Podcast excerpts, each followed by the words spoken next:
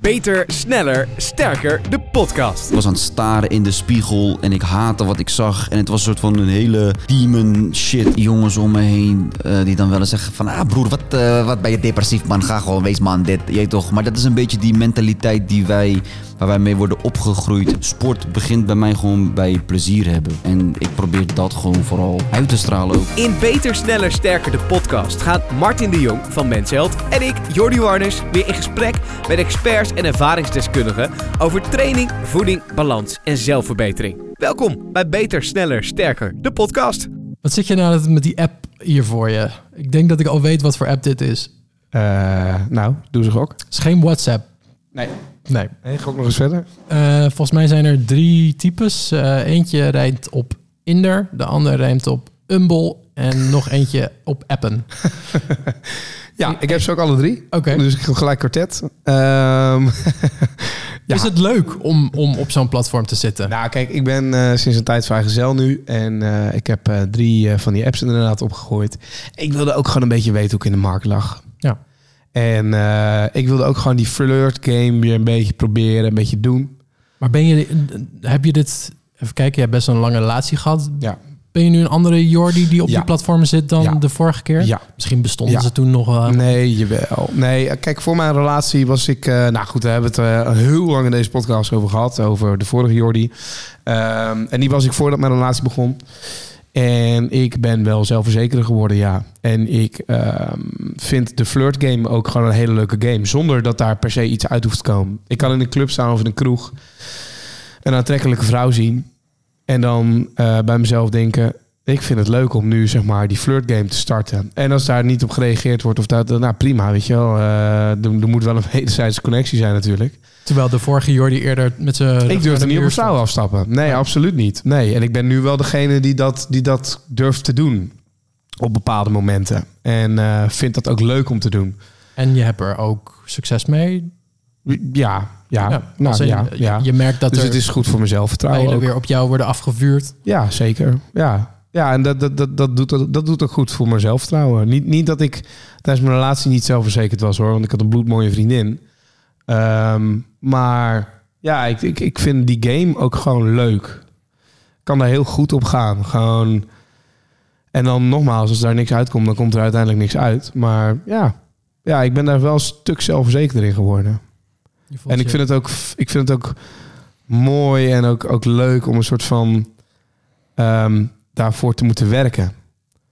Snap je wat ik bedoel? Ja, Dat, je, dat je een beetje als man aan het werk moet voor een vrouw. Dat, dat je, je, je echt op jacht. ja, dat je, Ja. Dat je, dat je ook echt zeg maar van, eh, nou niet, niet bij de eerste zin gelijk al, eh, nou is goed, eh, wanneer zullen we daten of zo. Weet je, ja, je moet gewoon dat, dat moeite voor een vrouw doen of zo. Ik, ja, dat, dat vind ik wel leuk. Het spel der liefde. Ja, dat ja. Ja, je wil niet dat het gelijk tot alle deuren al openstaan. Dat je Nee. helemaal naar binnen hoeft te lopen. Oké, Nee, want dan is de spanning er ook af en zo. dus tip voor alle luisteraars die nog denken... hey, die Jordi is eh, misschien wel leuk. niet te hard van stapel lopen. Nee, nee, dus nee, ja. ja en als ik- een vrouw dat dan bij jou doet... eh, zo- of, Hoe bedoel je? Dat, dat hard to get? Of, de, Ja. of, op mij afstappen? Ja, stel Of- je voor, een, een, een vrouw gaat nu heel erg lekker bij jou en schrikt het je dan ook wel eens af, zeg maar? Als ze iets te enthousiast is? Ja, 100%. Oké. Ja, zeker. Ja, ja dus dat is niet alleen dat je het spel even niet kan spelen wat je een leuk spel vindt, maar het is ook echt een soort van bijna een afknapper als iemand te hard van stapel. Als iemand te hard van stapel loopt bij mij en, en te, te graag wil, of te, dan, dan, nee, dan, nee. Dan is het al snel bij mij de interesse weg. Terwijl misschien de Jordi van tien jaar geleden die zou denken, oeh, interesse. Maakt niet uit welke vorm. Deze, Eh, ja. dit is leuk. Ja, dat denk ik wel. Maar het heeft ook gewoon, ja, het, het is toch ook gewoon, het is toch de, de, de game van liefde, zeg maar het flirten. Ja. Dat vind ik een van de leukste spelletjes die er is. Want je, je bent bezig met elkaar een beetje een soort van aftasten. En een soort van, oké, eh, hè, wat, wat... Ja, dat. Ik vind het een soort persoonlijkheidstest. En ik ben dol op persoonlijkheidstest maken. Maar je test namelijk iemand anders en spiegelt daar je eigen reactie op. Ja. Dus, je, dus je bent allebei een soort testje aan het doen voor jezelf en voor de ander. En dan nog de test van hoe mixt dit en wat gebeurt er. Dus Ik, ik kan een voorbeeld eh, hebben met, met, met iemand die ik ontzettend aantrekkelijk vond. Ehm, maar waarbij ik zoiets had van, ja, jij bent ontzettend aantrekkelijk. En ik zou misschien nu in je DM kunnen gaan sliden. Maar ik laat jou in mijn DM sliden. Oeh, dus eh, En dat klinkt nu heel stoerdoenerij, Ja. op valt het niet verkeerd op. Maar dat, dat, dat vind ik het leuke eraan. En als dat dan gebeurt, dan denk ik, yes. Maar ik heb wel eens tegen jou gezegd, volgens mij, van ehm, ehm, dat het dat. eh, Ja, dat, dat, zeg maar de, de, de out of your league. ja, ou- ik zocht even dat woord. Ja. Ik dacht iets Engels. Wat was het ook weer? Out of your league bestaat eigenlijk niet. Zoiets heb ik tegen je gezegd. Ja, en daar, daar, daar geloofde ik eerst niet in. Ja. Daar geloof ik nu wel in. Dat het niet bestaat. Dus dat een, eh, hoe mooi een vrouw ook is, als je over goede persoonlijkheid Mm. Ja. beschikt, eh, gemengd met je ziet er gewoon prima uit, dan kun je daarmee mengelen, zeg maar. Ja, zeker. Ja, en het kan natuurlijk zijn dat een vrouw niet geïnteresseerd is in je. Maar dat heeft dan niet zozeer daarmee te maken. Of missie valt op een ander karakter of zo. Maar dat heeft niks te maken met Een hoe team knap hoeft niet bij een is. team te staan, zeg maar. Dat is een beetje het. Nee, ik denk ik niet. Nee. Ja, of je bent ook een tien, maar dan op ander niveau, snap je? Ja. Ja, dat, maar, ja, maar dat, jij zei dat een tijdje terug tegen mij. Out of your league, eh, dat bestaat niet, Jordi. En, ja, het zal wel. En eh, inmiddels kan ik bevestigen dat dat inderdaad niet bestaat. Wat fitness allemaal niet voor je leven kan doen. ja, blijkbaar. ja. Maar eh, ja, zodoende. Dus ja, ik, ik geniet heel erg van het vrijgezelle leven. En heb mezelf ook die tijd gegund. Om daar nu gewoon van te gaan genieten. Dat betekent niet als ik een slet eh, overal naartoe ga of zo. Jij wil gewoon leuke Maar ik- gesprekken met leuke mensen. Ja, gewoon, gewoon dat. En, en een beetje vlieren fluiten. Een beetje het leven leiden. Een beetje een soort van break. Ja, dat. De 60s komen weer terug voor Jordi. ja, lekker met een joint in het park hangen zometeen. Hartstikke idee. Ja, heerlijk. Nee, dus, dus, dus dat eigenlijk. Ja. Nou, helaas moeten we die illusie onderbreken. Nou, want ik ook zal- gewoon gewerkt Ik worden. zal hier. even mijn Tinder en mijn Bumble en mijn Happen even op pauze zetten bij deze voor de podcast. ja, al want die notificaties. wij, eh, wij hebben weer een hele toffe gast. En ik ben ook blij dat hij Nessim hier eh, komt aanschuiven. Want deze man is bekend van Supergaande. Een van de meest succesvolle YouTube-kanalen ever in Nederland. Ja. Eh, QC en Nessim natuurlijk, die dat dan samen doen. Hij is stand-up comedian. Ja, Artiest, maakt Ja. eh, muziek, is ook, heeft ook smaak voor muziek van anderen. Dus is goed in reviewen van andere rappers. Doet dat ook op YouTube. Ja, en is daarnaast ook nog eens theatertours aan het uitverkopen. Deze man doet heel veel. Hij heeft ook Ja. heel veel met sport gedaan en dergelijke. Ik heb hem ooit die podcast met Kai Gorgels gehoord. Waarin hij ook heel diep eh praatte. En ook vertelde dat hij diepe dalen had. Dus ik ben gewoon heel erg benieuwd wat zijn verhaal nu is. En eh, daarom hier bij ons te gast, Nessim. What's up, people? De vibe is weer gezet. Gaan we de waarheid vertellen of gaan we gewoon... Nee, door? ja, we gaan de waarheid vertellen. Voor de duidelijkheid, wij gaan eh, nu met z'n tweeën, of met z'n drieën bedoel ik, eh, weer een eh, heel gesprek in wat we net al gevoerd hebben. Ja. Aangezien eh, wij halverwege de opname gestoord werden door die prachtige mengtafel hier voor mijn neus. Die in één keer zei, er is een error. Ja. En toen eh, was er paniek. Er is iemand naar de kruidvat toe gereden om een nieuwe SD-kaart op te halen. En we hebben files opnieuw weg moeten gooien en downloaden. Het was gezeik. We zijn 17 minuten aan audio kwijt, maar twee uur van ons leven. Maar goed, Maar- we zijn er. We, we, we hadden dit niet beter kunnen hebben dan bij Nessim, denk ik. Want dit is de meest chille gast ooit. Die zei, ja man, ik ben hier geweest. Ik heb dit allemaal al meegemaakt. Oh, ja. Corrupte SD-kaarten, bestanden die weg waren. Je zou maar iemand hebben zeggen van... Hé, hey, bro, ik heb geen tijd voor deze shit, man. Ik moet weg, man. Ja, Die mensen zijn. Ik ben die guy niet. Was je goed recht geweest, maar eh, Nee, respect en eh, leuk dat ze het gewoon opnieuw gaan doen. ja het ijs is in ieder geval gebroken. Ehm Nessim, ik heb jou ehm, gesproken samen met QC, de Day One podcast. Klopt. Met JJ Boske er ook bij. Toen hebben we het niet echt gehad over sport, over lifestyle, over eh, nou, dat soort dingen. Het mentale gedeelte. Deze podcast is ook wel rode draad mentale gezondheid. Ik krijg ook heel veel toffe reacties over van luisteraars die het ook wel fijn vinden dat we daar zo diep over ingaan. En ik denk ook dat we dat met jou heel goed kunnen doen, omdat ik heb jou ook in de podcast van Kai Gorgels gehoord. Klopt. Daar vertelde je ook wel over best diepe dalen die je gehad had. Je hebt recentelijk wat op Instagram ook gedeeld. Ja. Waar je volgens mij heel veel reacties op hebt gehad. Hoe eh, zit je er nu in? Ehm, ik eh, zit nu nog een beetje... Ik denk, ik werk. Ik werk eraan. Ja. Eh, ik ik eh, wil niet zeggen dat soort van alles nu opeens soort van klaar is of zo. Het is niet zeg maar dat je, laat ik zeggen, dat je een post hebt gedaan. En dan mensen vragen me dan ook wel eens van, en hoe voel je je nu? Zeg maar een soort van week later. Alsof dan opeens alles eh, voorbij is of zo. Maar ja, zo werkt het gewoon niet. Maar ehm, ja, we zijn gewoon soort van bezig en aan het werk en langs psycholoog aan het gaan en eh, allemaal van dat soort dingen aan het doen. En ja, anderhalf jaar geleden was ik bij eh Kai Gorgels langs geweest. Het was ook de eerste keer dat ik erover ging praten. Wat voor mij best wel een stap was. Omdat ik niet vanuit mijn eh, persoonlijkheid niet per se echt een prater-prater ben. Natuurlijk zie je me wel de hele dag op social media praten. Meer praatjesmaker. Ja, toch? Maar niet over hoe ik me voel of whatever. Dat soort shit, dat, eh, dat zit, zat er nooit echt bij mij in. Maar was dit een gepland moment of liep het gewoon zo? Nou, ik moet zeggen dat ehm, toen ik eh, voor het laatst had ik ehm, mijn contract getekend bij eh, UFC om eh, te gaan presenteren. En diezelfde avond zat ik soort van nog jankend op de bank. En toen kreeg ik zo'n besef in mijn hoofd dat ik van, yo, hoe kan het dat ik zeg maar net aan de buitenwereld heb laten weten van dat ik eh, bij UFC mag gaan presenteren, helemaal vet, vet, vet. Maar mensen zien niet dat ik op dit moment fucking emotioneel en dat ik me niet goed voel en dat ik op de bank naast mijn vrouw zit en aan het janken en praten over hoe kut ik me voel. Zeg maar, het contrast was voor mij zeg maar zo Ja. heftig dat ik denk van, yo, eh, dit klopt niet. Je weet toch? En toen, ik denk een week later of zo, toen eh, zat ik weer thuis en ik voelde me gewoon niet goed. En toen dacht van, ja, ik, ik, wou, ik wilde een soort van erover praten of zo. En toen had ik die post gedaan op, op social media. En die post toen voelde op zich soort van best wel goed. Omdat ik ehm, voor het eerst echt heb verteld hoe ik me heb gevoeld zeg maar, de afgelopen tijd. En hoe ik zeg maar, in mijn vel zat. En de reacties waren ook naar mijn gevoel gewoon best wel goed of zo. Want ik had niet verwacht zeg maar, dat ik dat soort reacties zou krijgen. Veel support. ehm, maar ook het feit dat het zo erg eh, dat het bestaat. Waren er ook negatieve reacties? Oh ja, soms wel. Als in dat mensen die zeggen van ja, als je zo kut voelt, spring dan van een brug, joh, boeien, dat soort shit. Ja. Een paar waren dat er wel van tussen. Maar ja, Maar ook niet van, van, van mensen om je heen of mensen die je via via kent die dan zeggen bijvoorbeeld, eh, ah, waarom moet je dat delen of waarom moet je dat per se ja, in- kijk, in ik heb wel zeg maar jongens om me heen eh, die dan wel eens zeggen van ah broer, wat, eh, wat ben je depressief man, ga gewoon wees man dit, weet toch. Maar dat is een beetje die mentaliteit die wij waar wij mee worden opgegroeid en waarmee worden opgevoed, weet je. Dat is ook de reden waarom ik zeg maar ben geworden wie ik ben, omdat ik al sinds kleins af aan de hele tijd van verman jezelf en ga door. Dat, dat is die mentaliteit ook vanuit de buurt of whatever. Gewoon niet te veel, eh, wat ga je huilen? Weet je, het is gewoon doorgaan en gewoon eh, je emoties te praten erover, dat bestond niet bij ons. Nee.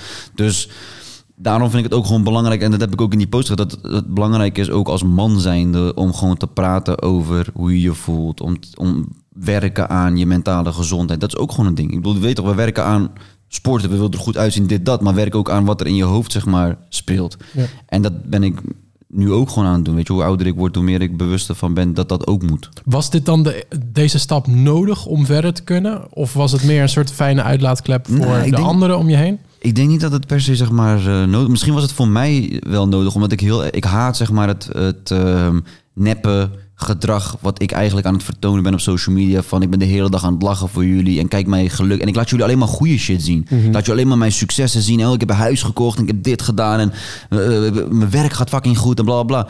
En dan eh, heb je ook een keerzijde en dat laat ik nooit zien. Dus iedereen heeft maar één beeld van jou en denkt van oh, het gaat helemaal goed. Dus Ja. het voelde voor mij gewoon nep. En dat ik zeg maar een soort van een masker de hele tijd aan het opzetten was. Dus daarom dacht ik van ja, fuck it man. Dan maar gewoon een keer soort van erover praten. En ik- toen besefte ik ook van, yo, deze shit speelt gewoon man. Ook onder jongeren. En ook in binnen... Ik kreeg ook fucking veel DM's van gewoon van bekende mensen. Gewoon, dat ze dan tegen mij zeggen van, yo, hey, ik ben precies daar waar jij nu ook bent. Ja. En ik dacht van, oh, jij ook? Ja, maar had ik niet verwacht. Zeg maar hoe mensen eh, bij mij reageren van, joh, ben jij depressief, joh? Had, had ik niet zien aankomen. Precies dat had ik ook bij andere bekenden die mij dan opeens een DM stuurden van, joh, ik ben ook met die shit aan het, aan het En dealen. Jij zegt nu, ik, ik praat af en toe met een psycholoog. Ja. Ehm, is het dan nu anders, beter? Of Nou ja, ik moet zeggen dat toen ik eh, in die tijd dat ik bij Kai Goors langs bij de eh, podcast ging, toen was ik net begonnen. En toen had ik, ik denk dat ik iets van 10, 15 sessies of zo eh, deed daarna, zeg maar. Ja. Misschien elke week of om de twee weken of whatever. En ehm, dat, heeft, dat had me heel goed gedaan toen. En ehm, het begon wel heel ongemakkelijk, die sessies. Want ik was, ja, wat ik zeg, ik ben niet zo'n goede prater. En dat heb ik ook echt moeten leren. Soms, zeg maar de eerste keer was ik daar echt een soort van 10 minuten, was het gewoon stil in die kamer. En dan wacht, zij wacht ook gewoon. Toch? Gewoon even kijken wat voor persoon ben jij. We kennen elkaar niet. nee? Dus en zit jij wel- dan met je armen zo over elkaar van... je gaat me niet breken, je gaat me niet breken? Of- Ja, nee, ik zit daar gewoon van, meer van, ik weet niet wat de fuck ik moet zeggen nu tegen jou. Ja. Ik heb zoveel shit in mijn hoofd. Waar begin ik? Hoe begin ik? Hoe eerlijk ben ik? Weet Ja. je, het zijn allemaal dingen die je soort van stap voor stap naartoe moet gaan, eh, gaan werken. En dat is gelukt, weet je. Ik bedoel, het was een hele lieve oude vrouwtje die mij soort van bege- begeleidde naar echt praten of zo. En op de duur, ja, daar heb ik al die 60 gedaan. En toen voelde het van, oké, ik, ik, wil, ik ben er wel even klaar mee nu. Het, eh, ik heb een soort van, ik had er even een punt achter gezet. En dan, eh, ja, later ging het weer kut.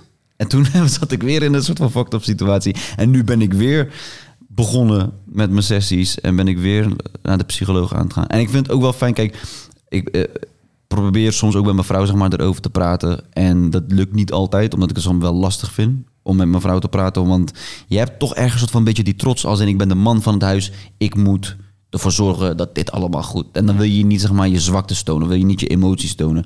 Maar op den duur zei mijn wife ook tegen mij van, yo, als je het niet tegen mij vertelt, tegen wie de fuck ga je dan vertellen? Weet je, ik moet weten wat in jouw hoofd speelt. Want als jij chagrijnig rondloopt in huis en je bent, weet ik niet waar jij aan denkt, snap je? Dus voor haar is het dan heel moeilijk om met mij te leven. Want ik ben soort van een of andere bom die bijna op eh, exploding staat, die in huis rondloopt. Dus soms dan probeer ik ze ook van mijn chest zeg maar de dingen af te halen en te zeggen van oké, ik zit nu hiermee. Dus laat me soms gewoon met rust en weet wat er speelt. Maar zij was dan ook degene die tegen mij zei van... yo, maak even weer een afspraak bij je psycholoog. Ga daar naartoe. Dus ze support me op dat vlak wel. En dat vind ik wel heel fijn. Dat ze me ook maar stimuleert van... yo, ga naar daar, praat, werk aan jezelf... en kom gelukkig, zeg maar, kom eh, iets rustiger thuis. Ja. Dat de thuissfeer ook goed is, je weet toch? En ehm, heb je nu op dit moment veel afleiding waardoor je er niet mee bezig hoeft te zijn? Ja, ik, kijk, nu ben ik zeg maar zo druk met werk dat ik geen tijd heb om na te denken over bepaalde emoties of zo. Wat zeg maar voor mij fijn voelt, maar tegelijkertijd ook niet goed is, omdat ik dan het probleem aan het. Ja, het brengt je nog niet ergens. Het, Nee. houdt- het, het, het, het- Het stelt het uit. Pappen Ja. en nat Ja, houden, zeg maar. Ja, je bent zeg maar aan het uitstellen dat je het probleem moet gaan oplossen. Dat, Dat je dacht ik al dat jij dat deed. Dat is Ja. heel gek, maar dat wist dat ja, alsof ik een voorkennis had. Ja, eh. nee, dat is. eh, heb je goed, goed. heb je goed geraden? Ehm, ehm, ja, dan, dan zoek je nu dus die, die, die afleiding. Maar dan, dan zal er ongetwijfeld een moment komen dat die afleiding er niet is. Dat stopping. Ja. Of een breekpunt. Of, of een soort van... eh, de emmer loopt nu over op een moment dat het echt niet handig is. Ja, dat, ja, dat is wel wat het, wat het een beetje is. Als in, ik heb, hoe ik zeg maar gewoon als mens ook in elkaar zit, is zeg maar, ik heb gewoon een, eh, een emmer. En die gaat er gewoon de hele tijd vullen, vullen, vullen. Ja. En opeens loopt die over. En dan ontplof ik weer. En dan ga ik weer lopen janken. En dan ben ik weer boos. En dan is dat weer leeg. En dan kan ik weer opnieuw beginnen. Dat is Maar die hoe vult zich met allerlei soorten emoties. Ja, dus dat is met hoe ik het- boosheid, stress. En, Ja, alles man. Gewoon stress of jeugdtrauma's of eh, gewoon ruzies. Misschien met eh, shit van vroeger of vrienden en familie. Al gewoon alles wat zeg maar opstapelt de hele fucking tijd. Ja. En dan ontploft dat gewoon. Dat is hoe het altijd ging. En nu probeer ik zeg maar daar wel soort van ook op het moment zelf aan te werken in plaats van uitstellen en dan laten opstapelen, opstapelen en dan in één keer weer eh, een hele depressieve periode aangaan. Maar het is gewoon moeilijk omdat je zeg maar je hebt je lichaam niet onder controle. Dus ik leef ook wel vaak gewoon gewoon, gewoon van dag tot dag toch? Als in, Ja. ik- want als je er de hele tijd over gaat nadenken is ook niet fijn. Dan van, oh, ik moet werken aan mijn mentale te gezondheid. bewust. eh, Ja, te bewust zijn is ook niet fijn. Soms moet je ook gewoon shit laten gaan hoe het gaat. Maar tegelijkertijd moet je er ook wel mee bezig zijn om er uiteindelijk naar een soort van, ja, ik wil zeggen ware geluk of zo te komen. Maar om gewoon tot rust of zo te komen. Nou, ik denk, ja, middenweg, het, het toch? klinkt alsof je nu wel bewust bent van het feit dat je misschien een keer een, een, een shit moment kunt hebben, maar Ja. dat je wel, je, je weet dat die bestaat, je weet dat die kan, je kan overkomen. Op zo'n moment gebeurt dat gewoon. Het is niet dat je voorbereid bent op zo'n Nee. op zo'n eh, inzinkmoment. Nee. Het klinkt wel alsof je er ja, een soort van mee leeft. Van, nou, een soort koortslip die wel een keer terug kan komen. Je ziet alleen wel wanneer. En blijkbaar heb je al de mensen om je heen om erover te praten. En Ja. misschien wordt het ook wel al makkelijker om erover te praten. Merk je dat al? Dat je Ja. versus jou die anderhalf jaar geleden voor het eerst daar tien minuten in stilte zat. Dat je Mm. nu sneller weet, oh, zo kan ik dat aanvliegen. Ja, ja, ja. ik heb sowieso, kijk, nu met die ervaring die ik al heb gehad met, eh, met de psycholoog. Als ik nu ga, dan weet ik ook zeg maar van oké, ik kan nu gewoon zeggen waar ik mee zit. Ik vind het nog steeds wel moeilijk om echt te formuleren hoe ik me voel. Want als iemand tegen jou nu vraagt, ja, hoe, wat voel je dan? Hoe voel je? Ja, Ik heb honger. ja, waar begin je? Je weet toch, je Je moet het ook echt niet weten. je, je moet soort van op zoek gaan naar, oké, dan ga je van een lijstje maken. Oké, wat zijn de dingen die mij storen in het leven? Wat, waar, waar erger ik me aan of whatever? En dan ga je vanuit daar, oh, nou, blijkbaar speelt het een grote rol nu. En dan ga je soort van verder zoeken naar shit. Ja. Weet je, dat is wel een beetje hoe het, eh, hoe het gaat. Maar ik ben wel blij dat ik nu makkelijker kan praten. Terwijl oprecht, zeg maar, in mijn wat jongere jaar, toen ik 22 was of 23, was ik gewoon echt gesloten boek. niks, niks van emotie, niks van, je gaat niks bij mij vinden. En dan Nee. in één keer klap ik weer, ben ik weer fucking agressief, zit ik weer deuren kapot te slaan. En dan was het weer klaar, was die emmer weer leeg. Ja. En dan ging ik weer verder. En hoe doe je dat nu dan? Als ik bedoel, zijn er nog steeds deuren in je huis met eh Nee, nee, nee, die erin? deuren Of- zijn te duur, man. Die ga ik niet meer kapot slaan. ik, denk nu aan de kosten, je toch? Nee, maar ik ben nu wel wat ik zeg, maar wat, omdat ik op een oudere leeftijd nu eh, ben. Ik ben wat volwassener geworden. Ik weet dingen een plek te geven. Wat ik ook heb geleerd dank- dankzij mijn psycholoog. Dat ik gewoon ehm, weet hoe ik moet omgaan met een bepaalde emotie ongeveer. En, Ja. te- en dat is niet meer door het te uiten in agressie. En daar ben ik heel blij mee, dat dat niet meer eh, het geval is.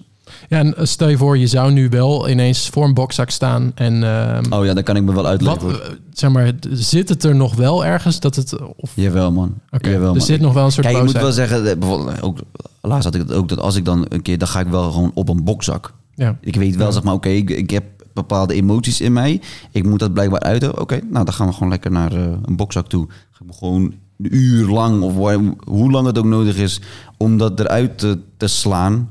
En dan doe ik dat op die manier. En dan probeer ik dat ehm, ehm, op, ja, gewoon op die manier soort van eruit eh, Maar, te... maar wat is sport dan nu voor jou? Want ik bedoel, eh, voor sommige mensen die even in een slechte vibe zitten, kan een gym enorm helpen. Ja. Een soort nieuwe horizon, nieuwe plek, andere uitdagingen dan het dagelijks leven, andere panieken, andere angsten dan Mm.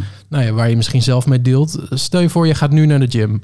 Wat, wat gebeurt er dan terwijl je in zo'n nou ja, in, in zo'n mood bent? Of, Ik moet zeggen dat als, kijk, als ik mijn, mijn gym eh, sessie zeg maar, nu vergelijk met bijvoorbeeld anderhalf jaar terug, dat toen ik zeg maar, voor het eerst zeg maar, in een depressie kwam, was gym niet per se. Het was een fijne plek om weg te gaan, maar die sessie zelf was niet per se heel erg fijn. Omdat ik zeg maar merkte tijdens zo'n sessie, ik was, het was ook echt mid-corona. Ik zat midden in mijn, in mijn eh, depressie. Ik was helemaal alleen in die gym.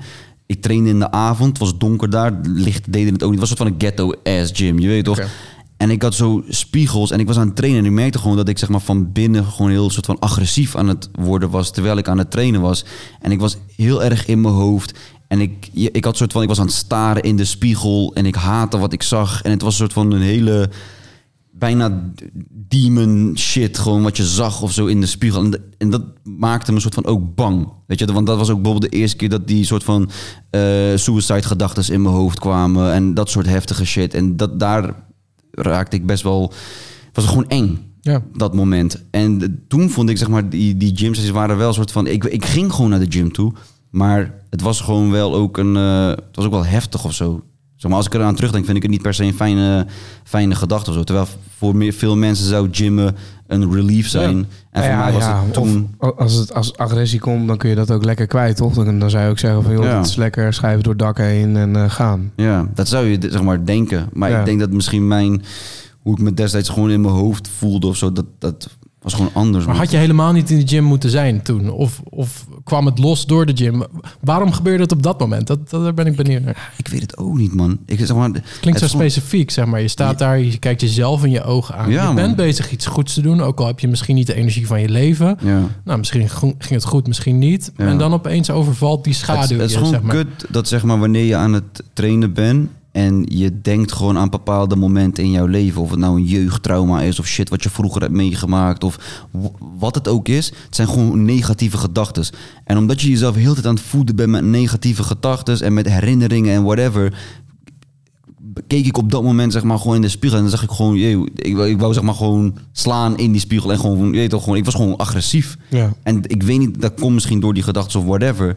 Maar dat ontstond wel op dat moment. En het was niet fijn. Maar ben je dan ook een tijd gestopt daardoor met Nee, trainen? Of ben je wel altijd doorgegaan? Ja, maar wel- weet je dan nog het moment dat je die, die omslag maakte, dat het niet meer zo was? Nou, dat was zeg maar daarvoor. Ik ging in die periode nog niet naar de psycholoog toe. Ik ging, ik ging nog niet zeg maar praten of whatever. En ehm, toen ik zeg maar precies daar middenin zat, daarna was ik volgens mij eh, bij eh, Kai langs de podcast gegaan. En daarna ben ik begonnen met mijn eh, ehm, sessies bij de psycholoog. En toen omdat ik ook ging praten over mijn problemen, was het soort van mijn chest af. En dat hielp Ja. heel erg voor mij, omdat mijn psycholoog die hielp ook met die dingen een plek geven en waarom zijn bepaalde dingen gebeurd. En toen begon ik soort van dingen te snappen.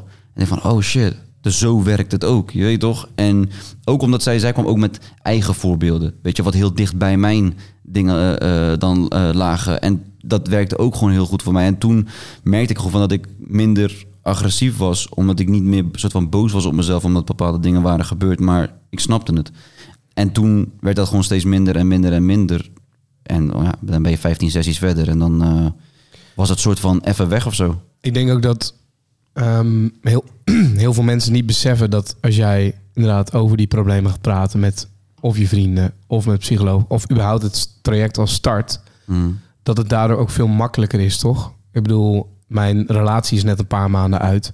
En aan het eind van die relatie, eh, nou niet verweet ze me niet, maar ze, zij kon boos worden om het feit dat ik mijn issues niet met haar deelde. Ja. Zij zegt, ja, godverdomme, wat, wat, wat ben ik dan, weet je wel? Wat, wat, wat doe ik dan in je leven als, als je dat niet eens met mij kan delen? En toen zei ik ook, ja, maar dat ligt niet aan jou. Nee, precies. Dat ligt aan mij. Dat ik niet de energie heb om aan jou die dingen uit te leggen.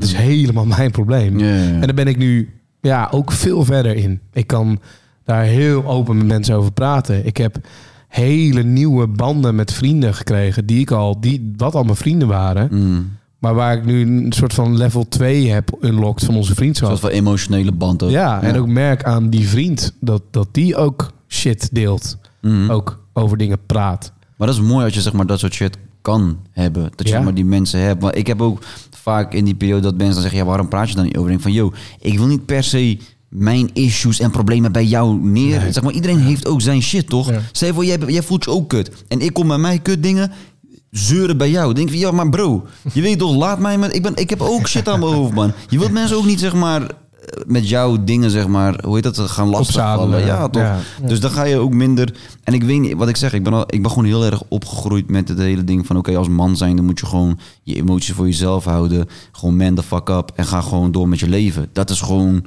Heeft, is er altijd al ingezet. En ik denk dat... We leven nu soort van ook eindelijk in een tijd waar iedereen zegt... "Hè, we zijn allemaal gelijk en bla bla. Ja, dan zijn wij mannen ook gelijk op omtrent emotionele shit. En wij willen ook gewoon praten over shit. En we hebben ook gewoon onze issues. Zeg maar, laat ons dan ook... Dat is ook man zijn. Niet, je bent niet alleen man als je sterk bent. Maar je bent ook gewoon man wanneer je je zwaktes durft te tonen. Snap je wat ik bedoel? Dus En wat jij ook zegt met als iemand anders zijn issues heeft en jij hebt jouw issues, dan denk ik dat het juist een hele goede aanvulling op elkaar is. Want Ja, het voelt voor mij met mijn issues ook fijn mm, om ook niet het gevoel te hebben dat ik knettergek ben, omdat ik Ja, ook nog in staat ben de issues van een ander ja, man. niet op te lossen, maar wel mee te helpen. Als ik zie dat die vriend daarmee struggelt, Ja, ja. terwijl ik zelf ook struggle met andere dingen, dan is het juist ook voor mij een soort van Het is niet dat je zeg maar lekker gaat van... "Ah, iemand anders heeft ook pijn. Maar het is meer van, ik ben niet alleen. En, en ik ben wel in staat om ook nog een beetje overzichtelijk over zijn dingen en hem van advies te kunnen voorzien. Juist. Dat is echt zo. Want hoe zit het dan op het moment dat je je zo voelt en dan komt iemand met een heel positief verhaal?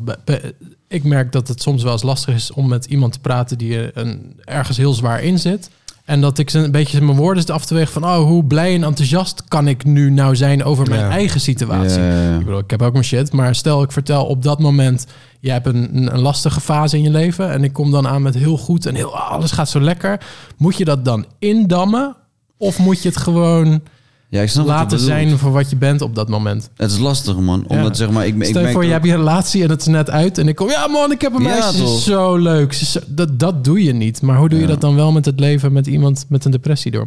Ja, ik kijk, ik denk dat zeg maar, dat, het is gewoon lastig, man. Omdat ik merkte ook dat eh, bijvoorbeeld in een tijd vroeger toen ik eh, eh, minder met geld zat bijvoorbeeld. En iemand anders die komt naar me toe en zegt van, yo, ik heb net een vette klapper geslagen. En ik denk van, yo, je weet toch, je- ik, hoef, ik wil dit niet horen op dit moment. Ik ben fucking skeer, man, bro. En dan is het dit, dat doet je gewoon pijn. Ja. Dat je, en maar aan het einde van dat, je gunt iemand anders natuurlijk ook gewoon zijn shit. Alleen op dat moment is het gewoon moeilijk. Dus wanneer jij in een depressie zit of whatever... en iemand praat over hoe gelukkig hij op dat moment is... denk ik bij jezelf van, ja, dat is echt fucking lauw voor jou, man, bro. Maar ja, ik heb niks aan deze informatie op dit moment. Ik ben gewoon met mijn shit aan het dealen. Maar ja, ik weet niet hoe je... Ik zeg eerlijk, bro, ik ben ook echt moeilijk om dat soort dingen echt een plek te gaan geven. Je weet toch, dus ik probeer gewoon dan een soort van positief te reageren op mensen. Van ik denk, ja, toch gruwelijk, maar Ja. ik ga niet te lang met iemand dan praten, want ik ben met mijn eigen issues bezig. En het klinkt misschien heel egoïstisch, maar je weet toch, ik probeer wel altijd gewoon mezelf op één te zetten. Ja, dus misschien gewoon een tip voor diegene, read the room, kijk een beetje... Ja, ja. Niet, misschien niet te hard inzetten, zoals je net zegt, met die 100%. jackpot van iemand die... eh, Maar dat is maar hetzelfde ook. Als, iemand, als ik weet van iemand dat hij bijvoorbeeld eh, eh, geldproblemen heeft. Of iemand die kan geen huis kopen. Dan ga ik niet bij die guy pochen om het feit van... joh, ik heb net een huis gekocht, ik heb net auto gehad, fucking gruwelijk, kijk mijn leven. Dure deuren. Ja, snap je? Je- Mijn deuren, Mijn- mijn- mijn- mijn deuren zijn zo duur. Oh, jij hebt nog die kraantjesding in je keuken, ja toch? Nee, ik heb een deur. Ja, en ehm, kijk, wij hebben het net in ons vorige opgenomen gesprek ook gehad over, eh, over hypnotherapie. Ik, daar daar Ja. heb ik net eh, een eerste intake voor gehad. Ehm, hypnotherapie voor de luisteraar is iets waar ik door geïnspireerd werd doordat ik daar met iemand anders over had. En diegene die zei, ja, je hebt twee, drie sessies en je voelt je herboren. Ja. En nou zijn we natuurlijk in het leven allemaal op zoek naar de shortcut voor wat dan ook. Is het Mm. voor het hebben van een getraind lichaam, voor afvallen, voor eh, geld verdienen, voor, nou, zo kun je nog wel even doorgaan. Mm. Ehm, en ik ehm, had die eerste intake, was met haar aan het praten over, nou, wat, hè, wat zijn de dingen die in mijn leven een bepaalde rol hebben gespeeld en waar ik zelf mee struggle. En eigenlijk kwam daar heel snel het, nou, het verhaal over onderbewustzijn, bewustzijn uit. Ja. En hypno is een soort van op zoek gaan naar de dingen die in je onderbewustzijn zitten. Waar je niet zo snel je vinger op kan leggen, maar die je met hypno Die er wel zijn, oplost. zeg maar. Die er wel zijn. En Ja. zij omschreef het als met psychologie leer je ermee omgaan en leer je de situatie herkennen en daar een trucje op los te, te laten. En met hypno trek je de wortels eruit. Juist. Oké. Nou weet ik niet of dat zo is. Ik heb de echte hypno nog niet gehad. De hypno is ook niet de hypno die je op tv ziet. Dus je wordt niet eh, tot eh, ja, kip eh, Yeah. over een podium tokkelend eh, gebracht in de hypnofase. Maar het is iets waar je waarschijnlijk heel helder bij bent en dan daarna op zoek gaat. Ja. Ik heb het ook een keer gedaan. Ja, Ja, man. Ik, want eh, hoe was dat? Nou, ik moet zeggen, ik had best wel eh, een fijne herinnering eraan of zo. Zeg maar. Het was voor mij best wel een, eh, was wel een pittige sessie. Ik wist niet wat ik moest verwachten. En ik ging soort van gewoon blind in. Want ik geloofde niet per se in die hypno shit. Maar Mattie van mij die zei van... Yo, het shit helpt. Ik heb het ook gedaan. En hij vertelde ook dat Mike Tyson doet die shit ook. Ik denk, ja toch, Mike Tyson doet het ook. Ik ga er ook gewoon voor. Gruwelijk. Dus ik ging er gewoon in. En toen had je een soort van twee fases. Je had zeg maar een soort van kleine hypno dingetje eerst. En dan daarna ging je soort van naar de echte eh hypno. Pre-hypno. Ja, toch, de pre. En ehm, toen in, die- in die, in die pre-hypno, zeg maar, ging het al best wel heftig. Zeg maar. Ik begon daar al te janken omdat ze al shit tegen me zei. En ik moest aan een bepaalde tijd denken. En toen ging soort van de kraan al open. Ik denk, wow, dit is lijp. En toen moesten we nog beginnen aan eh, de echte shit, zeg maar. En Ja. daar merkte ik echt van... Het is heel raar om te omschrijven, maar als, als ik het goed moet omschrijven... het leek een beetje zeg maar, op die film van Get Out. Toen die gozer zeg maar, ook op de bank zat... dat hij zeg maar, elke keer dieper in een soort van zwart gat ging... en ging steeds dieper en dieper en dieper. En elke keer tikte ze een soort van ook om, me- op mijn knie. En dan elke keer wanneer ze tikte, ging ik zeg maar... nog dieper in mijn soort van onderbewustzijn, zeg maar. Zo, zo ja. voelde het. En het was zeg maar heel eng, maar tegelijkertijd voelde ik me ook heel krachtig... toen ik er zeg maar weer uitkwam na die hele, hele sessie. Maar het was wel een... ehm, een heftige ervaring, maar wel, het hielp of zo wel op dat moment. Hoe eh, lang ben je eh, dan in, in, in die kuil aan het vroeten, zeg maar? Ja, ik, ik heb geen tijd, ik had geen tijdsbesef, maar ik, de hele sessie duurde volgens mij een uur, denk ik. Ja, meestal wel zoiets, Toch ongeveer een uur of zo, weet je. Maar het is niet dat je een uur lang in hypnose zit, maar gewoon met eh, eerst een intake, een gesprek en bla bla bla. Ehm, maar ik weet niet precies hoe lang dat, dat stukje duurde. Het leek wel alsof het zeg maar, zo'n eeuwigheid of zo duurde, maar tegelijkertijd ehm, ging het ook best wel snel of zo. En ik vond het wel eng omdat ik zeg maar geen ehm, dingen meer had over mijn lichaam. Controle. Ik, ik had geen controle meer. Dus ik kon mijn ogen niet open doen. Ik kon niet echt bewegen. Ik was zo diep, zeg maar, daarin. En terwijl ze tegen me aan het praten was... en hoe dieper ik, zeg maar, steeds in dat, in dat gat, zeg maar, ging... en hoe, ik- hoe ik... Ik weet niet, ik vond het echt sick. Maar het was wel echt een hele fijne ervaring. Hoe, ehm, hoe voel je Mike Tyson of toch die kip?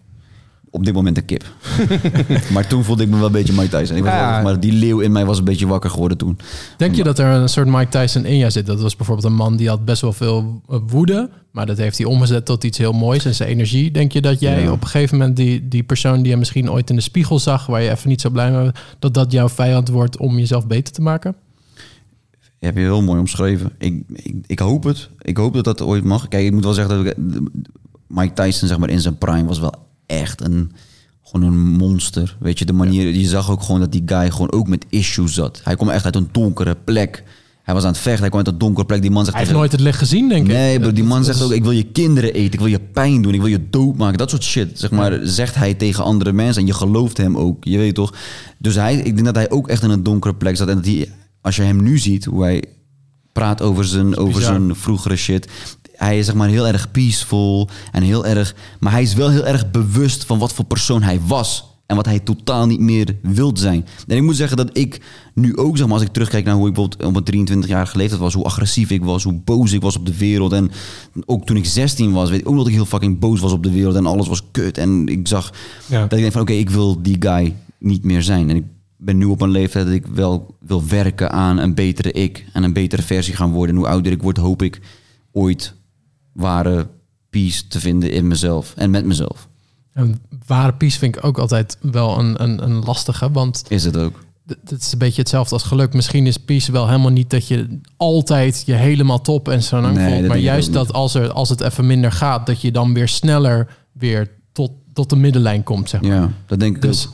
eh, ook met mensen die in harmonie zijn met zichzelf, dat zijn vaak wat vlakkere mensen, merk ik in gesprekken. Ja. Die Ja. een soort die meanderen zo. En dan, ik heb er een keer een vraag over gesteld van, is dat nou normaal dat je altijd zo vlak bent? En toen antwoordde die, voor mij is het juist dat ik door deze balans te vinden, heb ik onderzocht dat ik juist nu heel makkelijk kan huilen. Mm. En juist heel makkelijk op mijn gevoel zit. Dus het, het komt dan over alsof ik heel vlak ben, alsof ik juist niet heel veel emotie heb. Maar juist als ik die dan ervaar, dan kan ik hem ook gelijk pakken. En dan is het dan huil ik en dan schreeuw ik en dan is het er ook uit. En dat was voor hem de soort van de gemiddelde balans vinden. En ja, het, het heeft mijn beeld ook wel eh, veranderd van wat dan ja, ja, gelus, geluk en vrede is. Ehm, maar ik denk dat het voor iedereen een beetje verschilt en ook per moment verschilt. Nou, en kijk, ik heb bijvoorbeeld, ik ben 26, ik heb de meeste vrienden rond de 30, de 32, eh 35. Dus vrienden die al een paar jaar verder zijn in hun leven. Ehm, en ook al prijs ik mezelf met een fase, denk ik, in mijn leven die voor mijn leeftijd, nou, best wel ontwikkeld is. Mm. Ik denk dat ik best wel ver ben in. Ja, gaat steady. Ja, ehm, maar ook dat je er op een gegeven moment, ik denk dat we dat we allemaal kunnen beamen, is dat je hebt je ouders die voor jou altijd als alwetende personen zijn geweest. En altijd zo van, nou, als ik iets moet weten of iets nodig heb, dan ga ik naar mijn moeder, dan ga ik naar mijn vader. Gaandeweg kom je er gewoon achter dat, de fuck, zij doen ook maar wat, weet je wel. Ja, ja, Zij zijn helemaal niet de alwetende personen Nee. waarvan je altijd dacht dat ze dat waren. En eh, daar kun je in sommige gevallen misschien soms gefrustreerd door raken. Dat je denkt van, ja, Jezus, kom op. Of, eh, hè, de- de- wat de fuck is dit nou? Ik moet wel zeggen dat ik nu steeds meer eh, dingen van mijn pa ook meer begrijp of zo. Zeg maar, vroeger zag ik mijn pa soms ook, zeg maar, boos worden of agressief of whatever, Ja. zeg maar. En nu ik, zeg maar, ouder ben, snap ik dat wel. Dat, dat een man die werkt en het gezin voor het gezin moet zorgen en stress heeft en blablabla, dat die, dat die zeggen, hij heeft ook, hij had ook niemand om mee te praten. Hij had, eh, die man is een vluchteling, heeft oorlog gezien, heeft alles gezien. Ik snap nu dat hij gewoon issues had in zijn hoofd. Hij heeft ook Ja. trauma's uit Irak gezien of whatever. Je weet toch dus. Maar, maar toen je kind was, ik dacht, wat de fuck is met deze guy? Waarom, zei je, waarom slaat die deur en shit? Wat is met hem? Maar nu ik ouder ben, snap ik dat hij ook gewoon shit in zijn hoofd had. En nu maak ik ook shit mee dat mijn pa ook denkt van... joh, waar de fuck zit je nou om te stressen? En je kan geen problemen verge- vergelijken met elkaar. Maar ik, ik, ik kan ook zijn issues een plek geven nu ik ouder ben. En dat vind ik ook wel Ik zo. heb het juist precies andersom. Ja? Ja, ik, ik, vroeger zag ik mijn vader en dacht ik, oké, dat zo is die. Hmm. En nu denk ik juist van, wauw, hoe kon je zo zijn in het bijzijn van een kind of een ander persoon? Juist nu, nu ik volwassener ben, komt er steeds meer onbegrip over hoe hij vroeger handelde. Dus ik heb precies En- het tegenovergesteld. Dus ik Ja. heb het juist hier als slecht voorbeeld van, wauw, ik zou juist alles eraan doen om niet zo te worden. Ja, snap ik. En, en is het dan niet een soort van weg als in eerst onbegrip, daarna toch wat meer begrip? Dus wat Nes, Nessim nu Hmm. heeft? Dat je... Nee, nee, Eerst- Nee, ja, ik voor, weet de voor mijn gevoel natuurlijk. niet. Nee. Ik denk dat je zeg maar dat stukje onbegrip heb je altijd. Kijk, tuurlijk heb ik soms ook wel een stukje onbegrip dat ik niet begrijp van oké, waarom heb je die specifieke handeling destijds gedaan? Alleen ik snap dat die emotie richting die handeling ergens vandaan komt. Zeg maar Ja. hoe hij het heeft geuit is fout. Maar ik, dat, dat iemand boos wordt vanwege iets of what, dat snap dat kan ik soort van je ziet gewoon in dat hij zijn eigen pakket Ja, toch? Iedereen heeft gewoon zijn had. eigen fucking bagage. Gewoon. Dat is het, zeg maar, gewoon meer. En, ik denk- en hoe je dat gaat uiten, zeg maar, goed of slecht. Je weet toch, daar moet je gewoon van leren op den duur. En gelukkig zijn wij, zeg maar, de mensen die daarvan kunnen leren van onze ouders. Ik weet nog, toen ik 25 was en soort van in mijn piek agressie-modus was, dat ik ook een keer gewoon langs de spiegel liep en leek het alsof ik mijn pa opeens zag. En toen schrok ik gewoon. Ik dacht van, yo, dit wil ik, dit is niet wat ik Nee. wil, toch? Ja. En dat gaf me ook een soort van besef of zo. Dus ik denk dat we gewoon gaandeweg soort van leren ook van shit of zo. Oké, dus we hebben Mike Tyson als een voorbeeld. We hebben je vader gezien. Ja. Hoe ziet de ideale jou er dan uit? Kunnen we het over meerdere manieren hebben. Be- Laten we gewoon even met het makkelijkste beginnen. Fysiek. Fysiek, Hoe, zie- hoe zie jij er ideaal gezien uit? Groot. Groot? Ja, je, Bro, ik ben... Ik je, ben je zeg wil maar- schrikken van jezelf in het echt. Ja, je toch? Ik wil zeg maar, als ik in een, in een hoodie loop, dat je weet van, hé, hey, er zit daar iets onder. Jee, toch? Dat is zeg maar wel gewoon... Nou, de hoodie is er alvast. Ja, de hoodie Ja. is er al, maar je ziet nog niet van, wat zit daaronder? Wat is dat? Heeft hij iets? Toch? Nee, ja, ik ben wel, zeg maar, ik heb wel een, beeld voor mezelf hoe ik er heel graag fysiek, zeg maar, uit zou willen zien. Oké. Weet je? En misschien heeft social media daar ook een bijdrage aan geleverd, omdat ik, ik volg heel veel fitnesskanalen en Ja. ik Nou, ben je, helemaal... ben- je hebt zelfs een fitnesskanaal. Ik heb het zelfs. Of ik er wat mee doe, dat is een ander verhaal. Maar, Ja, maar hoe, zit- eh, hoe zit dat inderdaad? Nou, dus ik ben volgens mij eh, twee zomers geleden, of zo, ik weet niet wanneer het precies was, ben ik het eh, ben ik slopenkanaal begonnen. En dat deed ik omdat ik heel graag mensen wou motiveren met sporten en gezond eten. En gewoon, weet je toch, gewoon gaan we gewoon met z'n allen. Ja. Weet je toch, ik, ik motiveer jullie, motiveer jullie mij ook een beetje terug. Laten we gewoon een beetje met elkaar eh, elke dag gewoon die gym gewoon eh, gaan slopen, zeg maar. Dat was het, Ja. een beetje het idee. En toen En helemaal niet als autoriteit of zo, maar meer gewoon als inspiratie. Ja, toch? Gewoon laten toch? zien van, hé, ik ben het aan het doen. Ik ga ook, laat je, ga jij ook maar vandaag. Je weet gewoon een beetje op die vibe. Alleen dankzij zelf eh, eigen depressies en shit, had- was ik zelf ook niet meer gemotiveerd om te gaan trainen of om daar bezig mee te zijn of om, om op mijn eten te gaan letten of whatever. En toen is dat ook soort van gelaten. En dan ondertussen is het zo lang gelaten dat ik dacht, ja, kut, moet ik, het- kan ik het nog oppakken? Is er nog iets wat ik, wat ik moet doen? En dat is dan weer zeg maar die Waarom onzekerheid. zou je dat niet delen dan? Want dat hebben de mensen die jouw kanaal volgen ook. Je hebt fucking gelijk. Ja, toch? Ja, dit, is- ja, dit is echt zo. Want Dat ik bedoel, met, met alle respect naar Joe Beukers, die hier ook langs is geweest. Of uh, nou, Marijn Schoeber, seizoen daarvoor. Ik bedoel, dat zijn natuurlijk gasten waarbij je altijd alleen maar ziet dat ze alleen maar aan het Mhm. beuken zijn. Ja. En alleen maar in topvorm erbij lopen. ja. Ehm, maar, maar waarom volgen wij geen mensen die ook laten zien dat het ook even kut gaat met ze? ja. Ja, toevallig Marijn heeft dat eh, sinds onze podcast heeft hij best wel een ehm, Ja, nee, een precies. Hij is daarna. Ja, ja, klopt. Dus dat, die heeft juist nu eh, problemen met, ehm, nou ja, met zichzelf en eh, is Mm. daarmee aan het dealen. Dus dat, dat- dus dat die toevallig wel, maar doorgaans gebeurt het niet. Dan zie je gewoon van, yo man, zo zie ik eruit als ik een eiwitje heb gegeten en zo zie ik eruit als ik drie keer McDonald's heb gegeten. Look Yeah. at this challenge, wow, it's amazing. Yeah. Ik weet helemaal niet waar. Ja, tegelijkertijd is het natuurlijk ook wel, ik bedoel, het, het feit dat een Joe Beukers er iedere dag ripped uitziet en iedere dag alleen maar aan het beuken is, dat motiveert natuurlijk ook. Dat, dat zorgt er ook wel voor dat je denkt, goh, als hij het kan, eh, waarom kan ik het dan niet? Nou, Ja. let's go. Ja. Maar toch denk ik ergens dat de gezonde balans, zoals jij, zoals jij het nu omschrijft, ook wel gewoon fijn is of zo. Dit verhaal zou mij harder raken op een slopenkanaal dan, dan hey, ik sta er weer, ik sta er weer, ik sta er weer. Juist van, ja. hey, ik was er niet en dit is waarom. ja. Maar heb je het gevoel dat je ze misschien in de steek hebt gelaten of zo, die mensen? Ook een klein beetje. Of schaam je je dat het niet was gelukt? Nee, maar Zit jij nu allemaal emoties aan te praten? Nee, maar als in zeg maar, wat zou er gelukt moeten zijn? Ik bedoel, ik ben niet het, zeg maar, een kanaal begonnen of whatever om te zeggen van, oeh, ik wil 100.000. Het gaat mij niet om de volgers of om mijn geld. mee. Dat boeide mij helemaal geen kut. Maar het is meer van, ik heb soort van een mini-community opgebouwd. En dan eindstand ben, was ik degene die zei van... joh, ik wil jullie heel graag motiveren. En dan eindstand zit je zelf in een fucking depressie. Wat kan ik nog voor jullie betekenen? Ja. En dat maakte dan mij ook onzeker. Van, oké, moet- ben ik misschien wel die sportguy? Ben ik misschien wel die guy die wil laten zien... dat, ik, eh, dat, dat, dat jullie moeten gaan sporten als ik zelf niet... Nou, misschien is het jouw stok achter de deur naar jezelf toe ook. Ja, ja Een soort extra kunnen. motivatie voor jezelf van, hey, als ik het niet voor mezelf nu doe, doe ik het voor anderen. En dat motiveert mij ook weer zelf. Ik- Ja. ja, ik denk, ik kan me zomaar voorstellen dat het wel meer met elkaar te maken heeft dan je denkt. Ja, misschien wel. Ik denk dat ik ook, zeg maar, dat is het ding. Wanneer iemand anders het tegen je zegt, dan pas ga je beseffen van, oh, misschien is dat ook een manier hoe je het kan bekijken. Dat is Ja. hoe, hoe het bij psychologen ook werkt, toch? Je zegt iets, je hebt een bepaald beeld over iets, en aan eindstand zeggen ze, ja, maar kijk er zo naar. Oh ja. En opeens is het iets anders, je weet Ja. toch? Dus met dit ook, ja, misschien is dit ook iets wat ik kan delen op dat kanaal en dan eh, een soort van, eh, kijk jongens, zo kan het ook. Ja. ja, kijk, bedoel, op een gegeven moment eh, zag ik jou als soort posterboy voor Body Fit Shop. Je was eh, met Walid eh, aan het trainen, stond in de gym, Ja, ging klopt. lekker. En daarna verdween het. Dus Ja.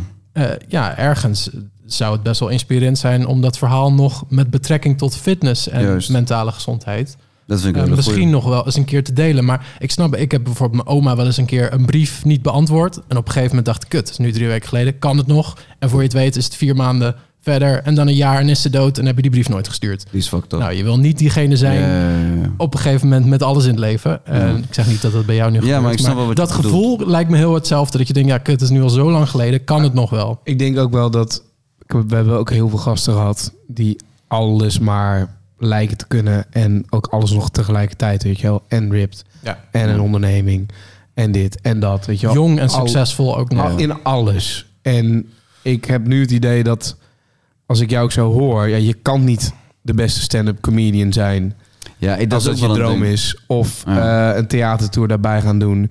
En op YouTube succesvol zijn. Ja. Eh, en nog je eigen eh, brand hebben. En dan ook nog, weet je wel. Dus er is ook ergens wel. Hoe, hoe kijk jij daarnaar? Het probleem is dat ik zeg maar wel het type persoon ben die gewoon altijd te veel hooi op zijn vork neemt. Ik ben altijd die guy van, oh ja, ik, als ik ergens in, zeg maar, ik vind fitness vind ik gewoon fucking vet. Ik ben geïnteresseerd erin. Ik, ben, ik zie het gewoon als een, zeg maar, hoe ik, als ik bodybuilder zeg maar zie, ik heb gewoon echt respect voor die mensen van, yo, het is gewoon een fucking sculpture wat je aan het bouwen bent daar. En ik vind gewoon, ik kijk die documentaires. Ik, ik ben niet die guy, als je naar mij kijkt van, ik ben geen bodybuilder, maar ik vind het gewoon fucking vet. En ik denk van, ik vind het leuk, die wereld vind ik vet. Laat ik er wat mee gaan doen. Maar het probleem is, dan is dat toch weer iets extra's boven je theatershow en presenteren. En Voltijd werk gewoon erbij nog. ja, toch, dus je neemt nog een keer wat bij, omdat je iets vet vindt. Maar ja, je weet toch, je kan niet bezig blijven met dingen die je vet vindt. Elke keer maar gewoon erbij gooien en erbij gooien en erbij gooien. En het probleem Nee, is dat, dat mensen om je heen zien, dan denken ook van, oh, hij wil hier iets business van maken. Hij wil hier iets, eh, zeg maar, terwijl dat misschien niet per se de insteek of zo is. En opeens is het weer werk. Opeens komt een body and fit of een whatever weer bij je toe. En heb je opeens weer werk in die branche waar je gewoon bent begonnen als plezier. Of gewoon voor sport of whatever. Snap wat ik bedoel? Ja. Dan is het toch weer werk geworden. En dan moet je een soort van dat blijven doen. Omdat nu mensen shit van je verwachten of zo, snap je? Dus ja, ik ben wel die guy die zeg maar dan soort van extra... Maar aan het einde van de dag, sport begint bij mij gewoon bij plezier hebben. En ik probeer dat gewoon vooral uit te stralen ook. En hopen gewoon dat mensen dan ook gewoon gemotiveerd raken of zo om te gaan sporten. Ehm, met alles wat je nu verteld hebt. Met een flinke belading, zeg maar, de afgelopen twee jaar. Ja. Hoe, eh, hoe werkt dat voor jou op het podium als jij stand-up comedy aan het doen bent? Ik moet zeggen dat eh, ik eh, soms... Kijk, me, me- een optreden geven vind ik niet moeilijk. Omdat ik eh, op dat moment vergeet je gewoon alles. Je bent gewoon, eh, dan bij mijn show ben ik dan bijna anderhalf uur gewoon podium. Lekker lachen met die mensen, mijn verhalen vertellen. En offstage ben ik weer gewoon een soort van Nessim in real life, je weet toch? Alleen ik heb wel moeite met ehm, schrijven. Op, op een moment wanneer ik me kut voel. En dan moet je comedy schrijven. En denk van, Ja. ik voel me niet grappig op dit moment. Wat de fuck moet ik... Je weet toch, en dat vind ik dan, dat irriteert me, want ik wil graag werken. Maar dan zit ik in zo'n, oh, ik heb nergens zin in vibe. En ik voel me helemaal niet grappig en ik heb helemaal geen... En dat, dat irriteert me wel. Weet je, Dan dat komt het al helemaal niet. ja, Nee. misschien komt het dan eh, niet. En dan, kijk, dan probeer ik gewoon een verhaal te schrijven. Dan denk ik, ja, misschien komt die grap nog wel. Ik schrijf tenminste alvast een verhaal op. En dan op een dag voel ik me dan bijvoorbeeld hartstikke kut. En heb ik bijvoorbeeld al aan de comedy club gezegd van... joh, ik kom vanavond. En heb ik eigenlijk helemaal geen zin om te gaan. Maar dan denk ik van, ja, ik kan nu afzeggen. Maar ik kan ook gewoon gaan en dan zie ik wel wat er gebeurt. Al ga ik af vanavond, al is het hartstikke kut. Ik ben tenminste gegaan. Ik ben wel altijd die guy geweest. En hoe, hoe waren die dan? Prima, goed. Zeg maar, het is niet dat ik zeg maar, ook al voel ik me kut. Oh, Dat is het ding. Ja, maar dat is dus daar. eigenlijk best wel jammer dat het dan goed ging. Want dan geef je eigenlijk een soort van bijna jezelf een les van... ja, als het me slecht voelt, komt het nog goed, dus ik ga gewoon door. Dus ik ga gewoon door. Ja. En wanneer komt dan het moment dat je wel voor jezelf zegt... ik plan nu een week rust in. Ja, en dat ik ga ja. gewoon echt even nadenken over wat ik wil... en hoe ik me voel. En even niet iets schrijven en even niet dit doen. Want ik kan me zomaar voorstellen, wat, wat Jordi ook al vroeg... waar we het al een beetje over hadden... van ja, jij wordt redelijk door je werk een beetje nou ja, afgeleid... ja. Maar ik denk wel dat het goed is om daar even een keer bij stil te staan en juist het even gewoon te pakken voor wat het is. Ja, 100%. Ja. Ja. ik moet wel zeggen, kijk, ik heb bijvoorbeeld mijn management die checkt me dan wel van, yo, gaat het nog bij, moet je, wil je, moeten we eh, de vrije dagen inplannen of whatever? En dan is het natuurlijk ook aan mij om te zeggen van, ja, doe maar of nee, eh, ik ben cool, laten we gewoon verder eh, knallen. En ik heb bijvoorbeeld, nu heb ik wel bewust tegen het theaterimpresariaat gezegd, want die wouden bijvoorbeeld in 2023 wouden ze weer een nieuwe show, of tenminste hadden we afgesproken, we gaan een nieuwe show doen. Ik zei ook van, ik wil het graag. En ik had ze laatst gebeld van, joh luister dan, ik ga 2023 niet een nieuwe show doen. Want ik zit nu nog in de, ik ben met deze show bezig. Die is al 80 keer gecanceld door corona. Ik zit midden in depressie shit. Ik probeer daar aan te werken. En ik wil heel graag ook beter worden in comedy. Dus ik ga dat jaar, 2023, wil ik gewoon even gewoon de comedyclub pakken. En dan ga ik Ja. gewoon nieuwe materiaal testen en wat rustiger aan doen. In plaats van weer die druk van, oh, kaarten verkopen en stress. En we hebben weer een nieuwe tour. alles verkopen. Ja. Snap je? We moeten een nieuwe tour doen, een nieuwe dit. Ik denk van, oké, 2023 wordt even een soort van off-season. En dan gaan we gewoon even... Nou, gelukkig. Ja, het klonk Ja. even alsof je dat dus niet eh, heel bewust deed. Maar dit, Nee. dit klinkt als wel een verstandige Maar beslissing. dat is wel een en dan wordt het ook moeilijke- beter door, denk ik uiteindelijk. ja, 100%. Maar dat is wel een moeilijke beslissing. Tenminste, voor mij is dat al lastig. Omdat ik ehm, altijd denk van, oké, ik moet werken. Ik moet, ik moet door. ja, maar stel je voor, door. je had deze hele carrière niet. En eh, je was gewoon een guy uit Rotterdam. En je voelde je zo. Hoe zou je leven er nu uitzien? Zou je dan waarschijnlijk gewoon op de bank eh, zitten? Of Misschien, eh, ik weet niet. Maar als, in- als in zeg maar gewoon regular job en ik heb Nou, als een jij niet die verplichtingen had om, om dit te doen Ja, nu. En om niet vrolijk eh, op tv te verschijnen of op YouTube. Of, ik denk dat ik me misschien nog depressiever zou voelen. Ik weet niet, man. Ja? Ja, als, ja, misschien ook niet. Hè. Ik weet het niet. Kijk, ik ben niks anders gewend natuurlijk nu door het leven wat ik zeg maar leid. Maar ik weet wel dat ik een guy ben die houdt van zijn, eh, van zijn vrijheid. Mhm. Dus als ik zeg maar voor een baas moet gaan werken en ik moet elke dag op werk zijn en die man gaat ook zeuren aan mijn hoofd en ik voel mij ook kut. Ja, ik denk niet dat ik daar echt hartstikke lekker op ga. Nu heb ik tenminste nog de vrijheid. Ik kan nu zeggen tegen mijn management cancel alles. Ja. En ik wil niks doen. Kan. Het is een bewuste keuze dat ik het niet doe, maar het kan wel. En dan moet ik teren op spaargeld of whatever. Dat is mijn keuze. Ja. Maar die keuze heb ik tenminste wel. Maar terwijl dat als je gewoon een regular job hebt, dan moet je, je moet huur betalen of je moet je shit gewoon doen, toch? Dus als jij stopt met werk, heb je geen inkomen. En dan gaat het, naar mijn gevoel, denk ik, nog erger fout of zo. Misschien zie, ik het heel zwart-wit nu hoor, maar dat is hoe ik me zou inbeelden hoe het zou gegaan zijn als ik niet deed wat ik nu deed. En ik denk dat ik gelukkig in mijn werk ook gewoon mijn creatieve vrijheid heb en dat ik daar ook een soort van energie uithaal. Uit wat ik, als ik gewoon een leuke draaidag heb gehad, dan ben ik gewoon blij. En dan ga ik ook gewoon blij naar huis en denk van ja, toch was een leuke dag vandaag. En want hoe zit het nu? Kan het dat je gewoon je eigenlijk blij voelt, je staat goed op en ineens overvalt zo'n momentje? Of is, Ja, dat, man. is, is dat hoe het dan... Vooral zo. Zeg maar bijvoorbeeld vandaag. Dat je het eigenlijk niet echt door hebt en ineens pats is hij Ja, weer of zo. net als zeg maar vandaag denk ik van ja, ik voel me lekker. En toen zag je ons. lachen. Nee, niet. toen die kutkaart, alles kapot. nee, maar net als vandaag, weet je, ik zit, ik ik zat lekker in mijn vel, lekker lachen met mijn vrouw en eh, goed. En ik weet niet, man, en, eh, opeens op een dag, misschien je wordt gewoon wakker of je zit in een moment of in de avond of whatever. En dan heb je even zo'n momentje.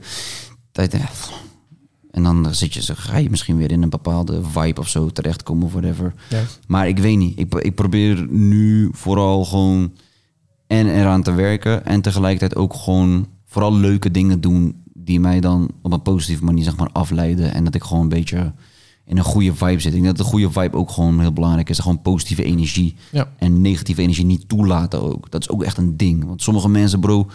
Die kunnen, Energievampieren. Bruh, hoe, hoe mensen zeg maar soms die, die positiviteit uit je kan zuigen. Gewoon dat je denkt van, yo, laat mij met rust, man. En dan wil je gewoon zeg maar dat gewoon blokkeren.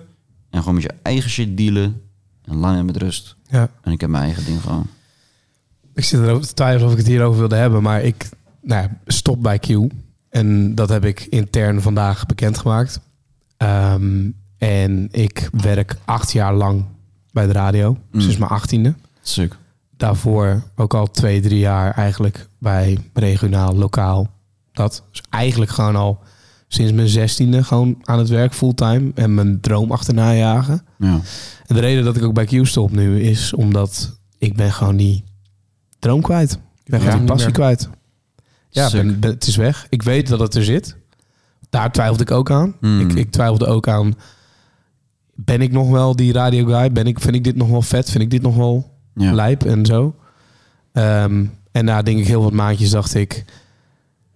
Ja, ik heb het. Ik weet dat ik het heb, maar ik ben het gewoon volledig kwijt. Ik heb er geen plezier meer in. Mm. Ehm, ik weet niet of ik op het juiste pad zit. Of ik eh, op de juiste radiozender een Ja. radioprogramma maak. Weet je, al dat soort vragen. Ja. Kost het je nu zelfs je geluk? Eh, ja, Oké. het heeft mij zeker mijn geluk gekost de afgelopen tijd. En dat is heel gek, hè? Want Ja, dat, mensen die zien jou in een studio zitten, muziek af- afspelen, draaien. Je zegt tegen ze, dat is altijd mijn droom. En die zeggen, nou, vet dan, toch? Je bent er. Hè? Hey, het is toch top? Eh, ja, nee. Nee, Ja, maar we- nee. ik snap het hoor. Als in, zeg maar, ik denk dat er ook gewoon mensen zijn die dat niet begrijpen. Dat denken van, oh ja, maar hoezo dan? Je leeft toch je droom? En Ja. dat is toch wat je altijd wou en bla bla bla. Maar zeg maar, soms moet je ook gewoon luisteren naar jezelf, toch? Ja, en dat heb ik de afgelopen maanden meer dan ooit gedaan. Ja. Ik, eh, het- dat, wat jij net zegt, leuke dingen doen, afleiding zoeken. Heb ik nu twee weken achter elkaar gedaan. Dat ben ik nu nog steeds aan het doen. Gewoon, het voelt als een soort van mini-vakantie die ik heb. Ja. Gewoon, het maakt me ook geen fuck meer uit. Ja. Ik maak ook eigenlijk stiekem de allerlekkerste radio die ik, denk ik, sinds tijd heb gemaakt. Mm. Omdat ik weet dat... Ja, het, het boeit allemaal nu even niet. Ik weet gewoon 23, 24 april, daarna is het even klaar. Ja. Ja. En ik heb gewoon de tijd om dit te doen, de podcast te doen. De Mm. tijd om alle andere shit die ik nog wil ontdekken te doen. Juist. En ik weet, de radio komt daar sowieso weer bij. Alleen nu even niet. Ja, want het is, het is niet dat je het, het werk aan zich, dat vind je nog wel leuk. Alleen nu de huidige uitvoering en hoe je erin staat. Nou, het is gewoon alsof je, eh, je... Je bent ooit verliefd op iemand geworden... en je merkt dat het even weg is. De sparkle, dat. Ja. En dat je dan bij jezelf te raden gaat... oké, is mijn relatie met diegene...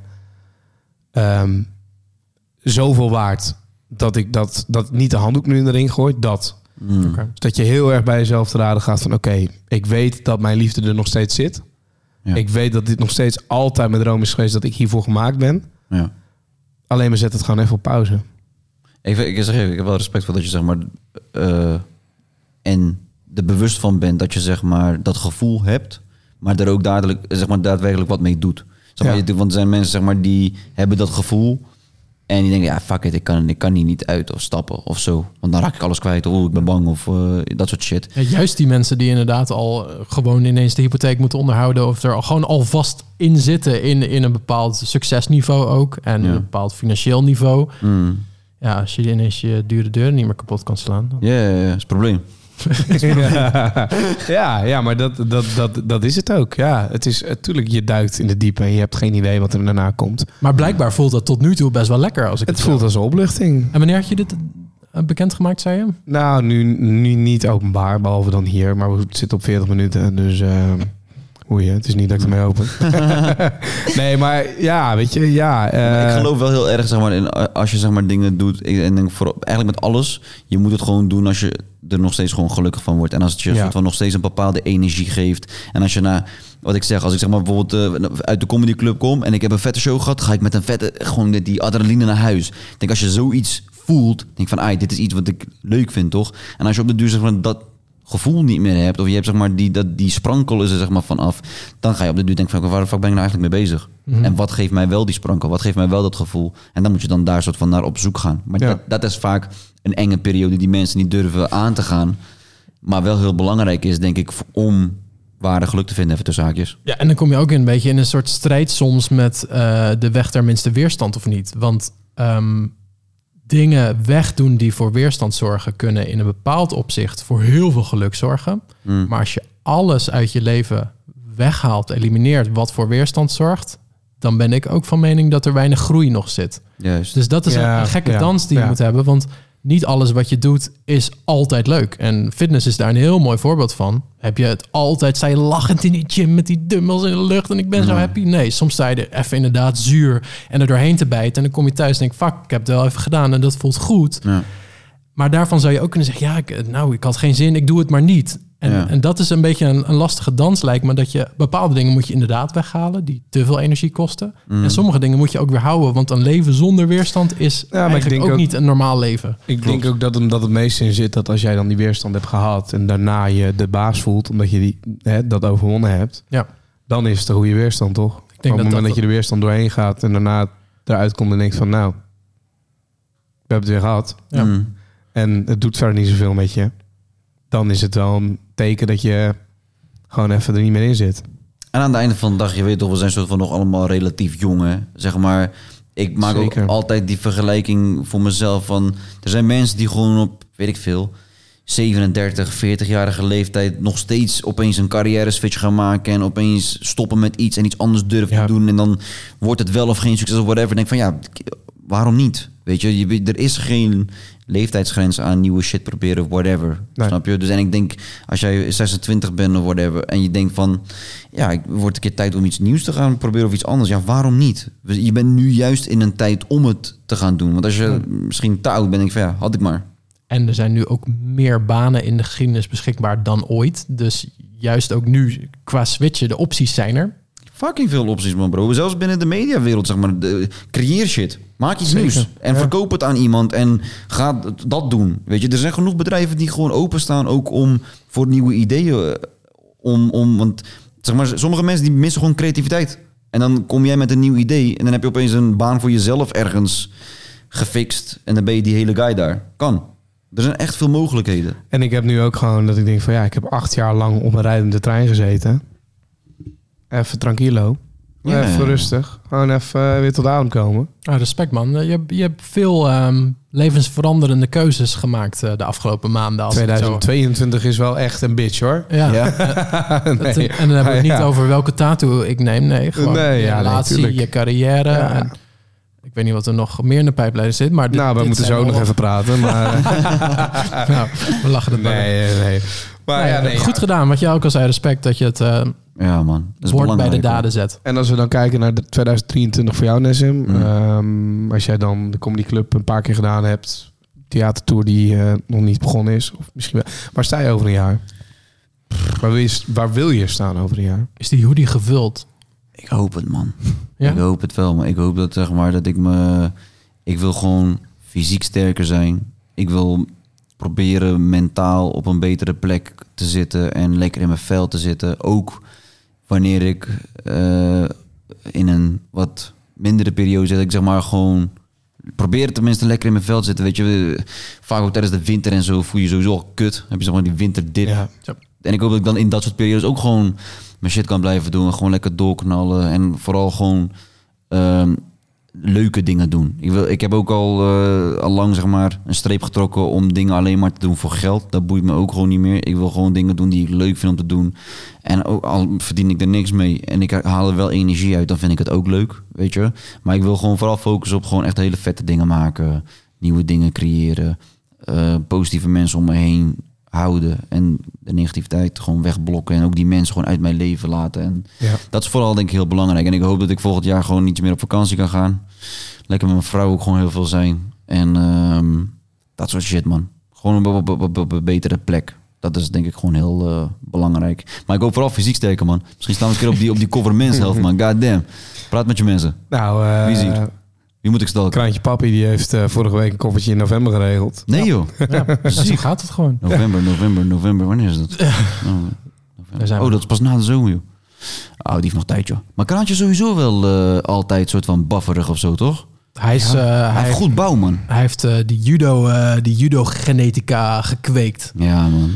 Dus eh, nee, dat zat wel goed. Maar Ja, weet je, ik, ik, ik ben benieuwd, man. Ik bedoel, ik kan me ook zomaar voorstellen dat dingen helemaal niet zo lopen als je ze plant. Ook voor jou, Jordi. Dat, je had ook nooit gedacht dat je op een gegeven moment eh, een contract getekend zou hebben hier. Mm. Eh, en dat je daar ineens weg zou gaan. Dat, dat, dus ik, Nee. ja, ik, ben, ik gun je van harte dat je straks als een, als een Arnold Schwarzenegger in je trui zit. dat zou hard ik ben ook benieuwd waar je komt als dat niet gebeurt. En Ja, ja, ik hoop er- het gewoon. Mijn vrouw zegt wel altijd tegen mij van, word niet te groot. Want ze vindt het niet eh, mooi. Maar eh, ik, eh, ik weet niet, man. Ik heb zeg maar wel gewoon dat ik een paar mensen heb van... Oké, dit vind ik wel echt, hard. Nee, zeker niet. dat is niet hoe ik wil worden. Nee, maar ik eh, wil heel graag gewoon aan mezelf werken. Ja. En ik denk dat het... eh, dat, ja, ik, ik weet niet, man. Ik ben gewoon op, op the path ja, om het te doen. blijf het ook vooral delen met ons. Want ik, ik, ja, ik merk al dat ik jouw verhaal zo mooi vind dat je het zo puur vertelt. En ja. Dat het dus prima is om eh, in de gym te staan en het even niet te voelen. Ja. Eh, en je werk te doen zoals jij, Jordi, en het even niet te voelen. Maar hebben jullie even, ik- we gaan misschien gaan we zo afsluiten, maar ik wil even nog één ding benoemen. Zeg maar, ja, ik vind het goed om bijvoorbeeld te praten over dit soort dingen, toch? Mhm. Maar heb je zeg maar niet het gevoel dat wanneer iemand dan zeg maar blijft praten over dat soort shit, dat je denkt van, oké, ik snap je, eh, stop. Weet je, ik snap je. ge- In Kan- dit specifieke geval? Nee, ik weet niet, maar ik heb dat tenminste wel, hè. Wanneer Over jezelf nu? Als jij nu, nu ja, bij ons ik heb, hierover nu, praat? ik heb nu zeg maar al het gevoel dat ik te veel aan het praten ben over mijn shit. Dat ik denk van, joh, waarom val ik mensen lastig met dit? En waarom, snap je? Als jouw Ik wil verhaal gewoon niet die guy zijn. Nee, maar je, die, die mensen die daarmee te maken hebben, die hebben een verhaal voor zichzelf opgehangen wat niet groter is dan zijzelf. Zij, zij zijn alleen maar alle verhalen. Het is net als iemand die net uit Bali terugkomt. Dan ben je een lekker broodje aan het eten. Ja, wat eet je? Maar nou ja, wat in Bali? Daar smaakt het toch zo lekker? En zo kun je alles. Dan kom je telkens weer terug op die ene fucking reis in Bali. Oh, waarom praat je zo raar? Ja, ik was in Bali, daar heb ik dat woord geleerd. Nou, als jij die guy wordt, maar dan met depressies van, oh ja, ja, nee, ja, dit broodje, nou, het smaakt eh, wel beter dan eh, tijdens mijn depressie. Ja. En zo alles blijft herhalen rondom die depressie, dan word jij die depressie. Ja, ja, ja. En dan is het inderdaad niet leuk om met jou te praten. Maar jij hebt, jij hebt het over je talenten, je hebt het over je ups, je downs, je emoties. de goede dingen en de slechte dingen, dat is niet in één ding samen te vatten. Dus juist, juist doordat je het zo veelzijdig brengt en een, een, een, een wereldse verhaal van maakt. Ja. Maar ik heb wel, zeg maar, dat, omdat ik het dan, zeg maar, nu dan met jullie, zeg maar, over Nee, ik ben er helemaal klaar mee. Maar Ja, omdat, ik, omdat ik het zeg maar nu heb gedaan, weet ik ook wel van ja, als ik dan volgende week weer word gevraagd om ernstig te praten, dan doe ik het niet. Dat weet ik wel van mezelf. als wij dit gesprek nu nog een keer hadden moeten opnemen, had ik het gedaan. Omdat ik het oprecht Echt? een boeiend gesprek vond. Ik zou het moeiteloos nu weer op record drukken en het met jullie doen. Omdat, ja, het, Ja, ik heb weer een error. Kijk eens naar mijn vrouw, die heeft daar geen zin in hoor. Ik heb, ik heb ook weer een error. Nee, nee. Die ogen van hem. Nee, maar eh, ik, snap, ik snap wat je bedoelt. Ik denk dat ik misschien zelf dan nog een beetje die, dat probleem heb van ehm, niet te veel praten. Op het moment dat jij shit. overal die guy wordt die hierover praat, dan snap ik dat volledig. Maar ik denk dat het voor een luisteraar ook van deze podcast, en dan zijn Martin en ik eigenlijk ook luisteraar van deze podcast nu, zeker. Ehm, dat het juist het meest waardevolle is waar je naar kan luisteren. Ik denk dat het juist het meest motiverende is waar je naar kan luisteren. Omdat eh, op welk niveau dan ook je in dezezelfde situatie zit. Waar ik denk dat we met z'n allen de afgelopen twee jaar in hebben gezeten. En dat Mm. ook voor ons de reden is geweest waarom we dit als rode draad wilden hebben. eh, is dat we er met z'n allen achter zijn gekomen dat ons mentale gezondheid zo belangrijk is. Ja man.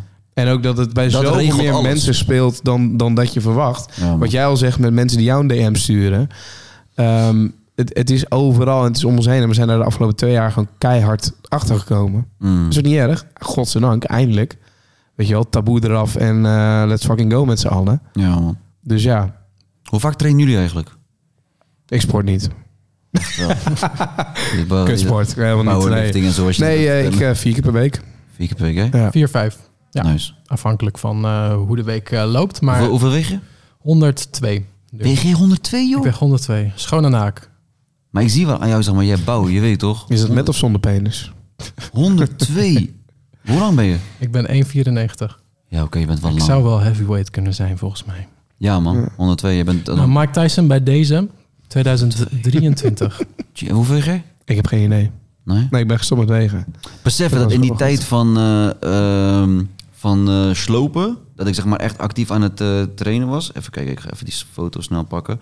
Hier, deze foto. Jordi, aan jou de taak om deze foto te beschrijven. Ja, deze foto. Wat zien we? Oh ja, en een Nessim die zit Ja. en zijn biceps Ja. omhoog. Hier woog ik 85 kilo. Ja, En ik weeg nu 77. Snap je hoe... Ja, ik, goed uit. ik haat Ja. mijn leven, zeg maar. Ik, ik ben echt afgevallen. Ja, oh, zo bedoel je. Zo Want in die tijd was ik zo erg bezig met eten en trainen. En was, ik zat echt lekker in mijn vel. Ik kon zwaar tillen. Bro, ik heb nu gewoon moeite met benchpress 60 kilo. Hè. 60, 70 kilo is moeilijk. Terwijl Ja. toen probeerde ik die 100 kilo te pakken. En, eh, maar dat dus- komt wel weer. Ja, ik denk het wel. Maar dat doet mentaal ook wel iets met je in de gym, toch? Zeker. Dat je je niet meer sterk voelt. Dat je denkt van, fuck man, waarom, hoe Hoor ik hier nog wel. Terwijl Ja, op dat toch? moment dacht je, ik ben de gym. Snap je? De gym is mijn huis. Oprecht gewoon. Ik wil, die, ik wil trainen. Ik kan niet wachten Ja. tot morgen. Je Ja. denkt aan die shit. En nu denk je van, fuck man. Ik was sterk. Wat is met mij gebeurd? Maar ja, je probeert nu weer een beetje op te bouwen. Nou Ja, maar dat, is- dat, ik, want ik ben gestopt met wegen. Daarom ben ik mijn, mijn, mijn gewicht ook niet. Ook omdat ik nu gewoon... Ik zit in die periode. Dus ik wil gewoon vooral nu even genieten. Ja, toch? Wel die vier keer per week training aanhouden. Nou, powerliften. Dus mijn lichaam heeft ook gewoon... Het vraagt om veel energie. Ja. Dus het maakt ook allemaal niet zo heel veel meer uit. Dus ik heb ook zoiets ja, Ik wil niet op die weegschaal gaan staan... om me daar door... Mm. zeg maar, mentaal te laten beïnvloeden.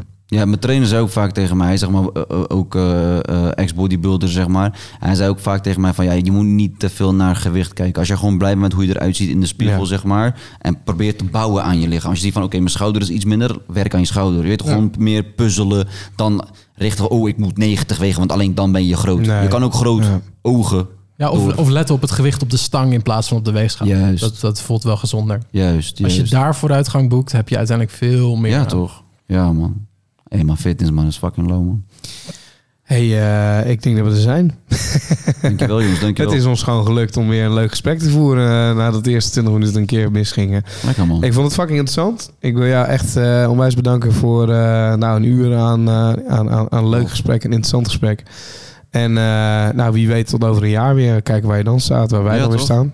Laten we, over, laten we over een jaar weer zitten. Gaan we kijken of, eh Ja, is of cool. vooruitgang is boekt, mentaal en fysiek. Ja, laten we dat doen. Ehm, Martin, Mensen kunnen met hun vragen en hun tips en hun gastentips, et Ja, cetera. we hebben terecht. een eh, Instagram-kanaal, eh, de Jordi Warners. Dat Ja. is Jordi met een i. En eh, Martin de Jong, Martin met een Griekse ei. Eh, stuur vooral je vragen in. Kan ook op menshealth.nl zonder de punt. Ja, want we willen eigenlijk nog wel even een aflevering vullen met alleen maar deze vragen, toch? Dus Ja. eigenlijk hebben we dat in het vorige seizoen ook gedaan. Even een Q&A-aflevering waarin we al die vragen gewoon in één keer met z'n allen gaan aanpakken.